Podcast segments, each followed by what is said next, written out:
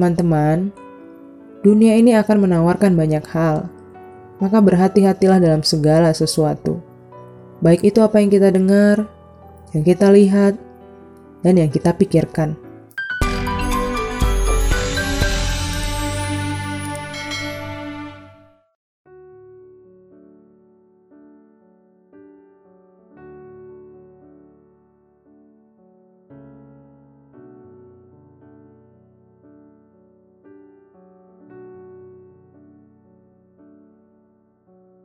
Shalom teman-teman Aposo yang penuh inspirasi di mana pun berada.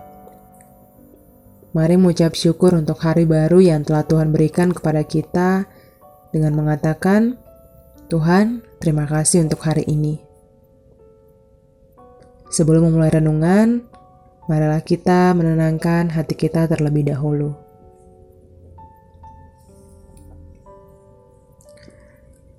Kita satukan hati kita, kita berdoa. Tuhan Yesus, terima kasih untuk hari yang kau berikan kepada kami. Terima kasih untuk penyertaan-Mu yang tak pernah lepas dari hidup kami. Berkati hati dan pikiran kami, agar kami mampu memahami firman-Mu, serta melaksanakannya dalam hidup kami. Amin. Tema renungan kita hari ini, waspadalah dan sadarlah bahwa kita membutuhkan Tuhan. Kita akan membaca dari 1 Korintus 10 ayat 1 sampai dengan ayat 12. Aku akan membacakan bagi kita semua.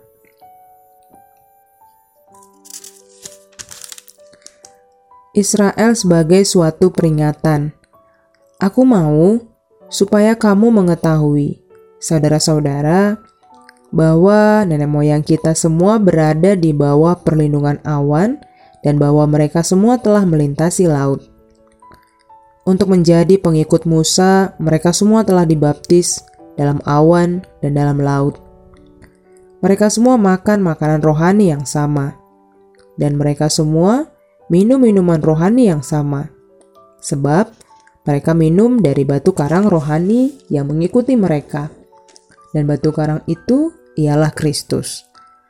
Tetapi sungguh pun demikian, Allah tidak berkenan kepada bagian yang terbesar dari mereka karena mereka ditewaskan di padang gurun. Semuanya ini telah terjadi sebagai contoh bagi kita untuk memperingatkan kita supaya jangan kita menginginkan hal-hal yang jahat seperti yang telah mereka perbuat. Dan supaya jangan kita menjadi penyembah-penyembah berhala, sama seperti beberapa orang dari mereka. Seperti ada tertulis, maka duduklah bangsa itu untuk makan dan minum, Kemudian bangunlah mereka dan bersukaria. Janganlah kita melakukan percabulan, seperti yang dilakukan oleh beberapa orang dari mereka, sehingga pada satu hari telah tewas 23 ribu orang. Dan janganlah kita mencobai Tuhan, seperti yang dilakukan oleh beberapa orang dari mereka, sehingga mereka mati di pagut ular.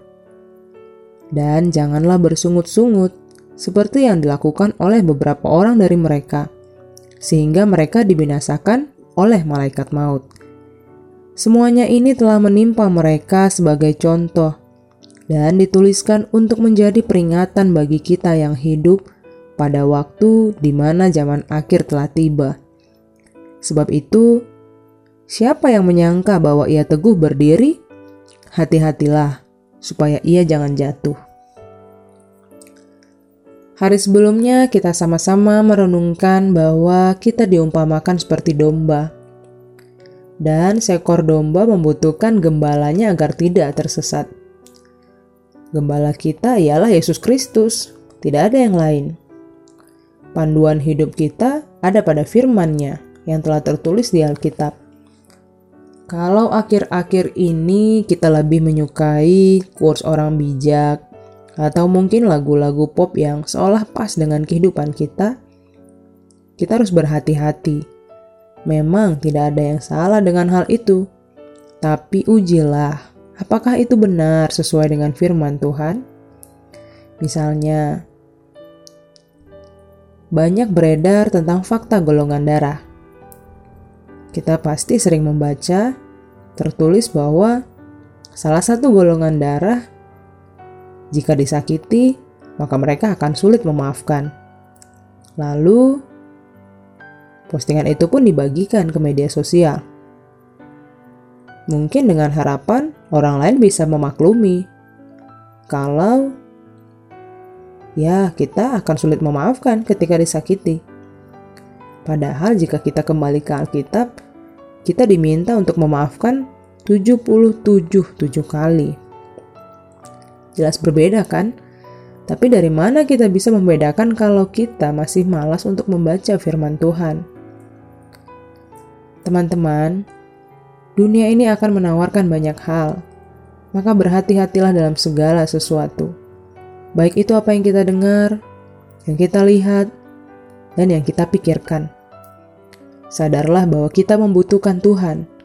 Kita perlu belajar firman Tuhan. Bahkan dikatakan yang terpenting dari seorang pengkhotbah bukanlah saat ia sedang khotbah, tapi waktu yang ia miliki bersama Tuhan dalam mempersiapkan khotbahnya. Begitu juga dengan kita. Mungkin di antara kita ada yang tergabung sebagai pengurus Naposo. Apakah itu ketua, koordinator, atau anggota? Atau mungkin ada juga yang aktif melayani di ibadah. Apakah itu sebagai kolektan, singer, atau pemain musik? Kita semua sama. Kita para pelayan harus tetap terhubung dengan Tuhan kita. Seperti seorang hamba kepada tuannya. Atau contoh sederhana, pembantu kepada majikannya. Bagaimana mungkin pembantu bisa maksimal dalam pekerjaannya kalau dia tidak berkomunikasi dengan majikannya. Bagaimana mungkin dia tahu kalau majikannya lebih suka sarapan roti daripada nasi goreng kalau tidak berkomunikasi? Begitu juga dengan kita. Bagaimana mungkin kita dapat melayani tanpa mengetahui isi hati Tuhan kita? Teman-teman, ini adalah sebuah peringatan untuk kita. Sadarlah bahwa kita membutuhkan Tuhan. Kita tidak bisa tanpa Tuhan. Maka berikanlah waktu khusus untuk benar-benar mempelajari firman Tuhan. Jangan sia-siakan masa mudamu tanpa mengenal lebih dalam siapa Tuhan. Kita belajar bukan untuk menguasai firman, tapi kita belajar agar hidup kita dikuasai firman. Demikianlah renungan kita hari ini. Saya persilakan teman-teman untuk mengingat kembali apa yang teman-teman dapatkan dari renungan ini.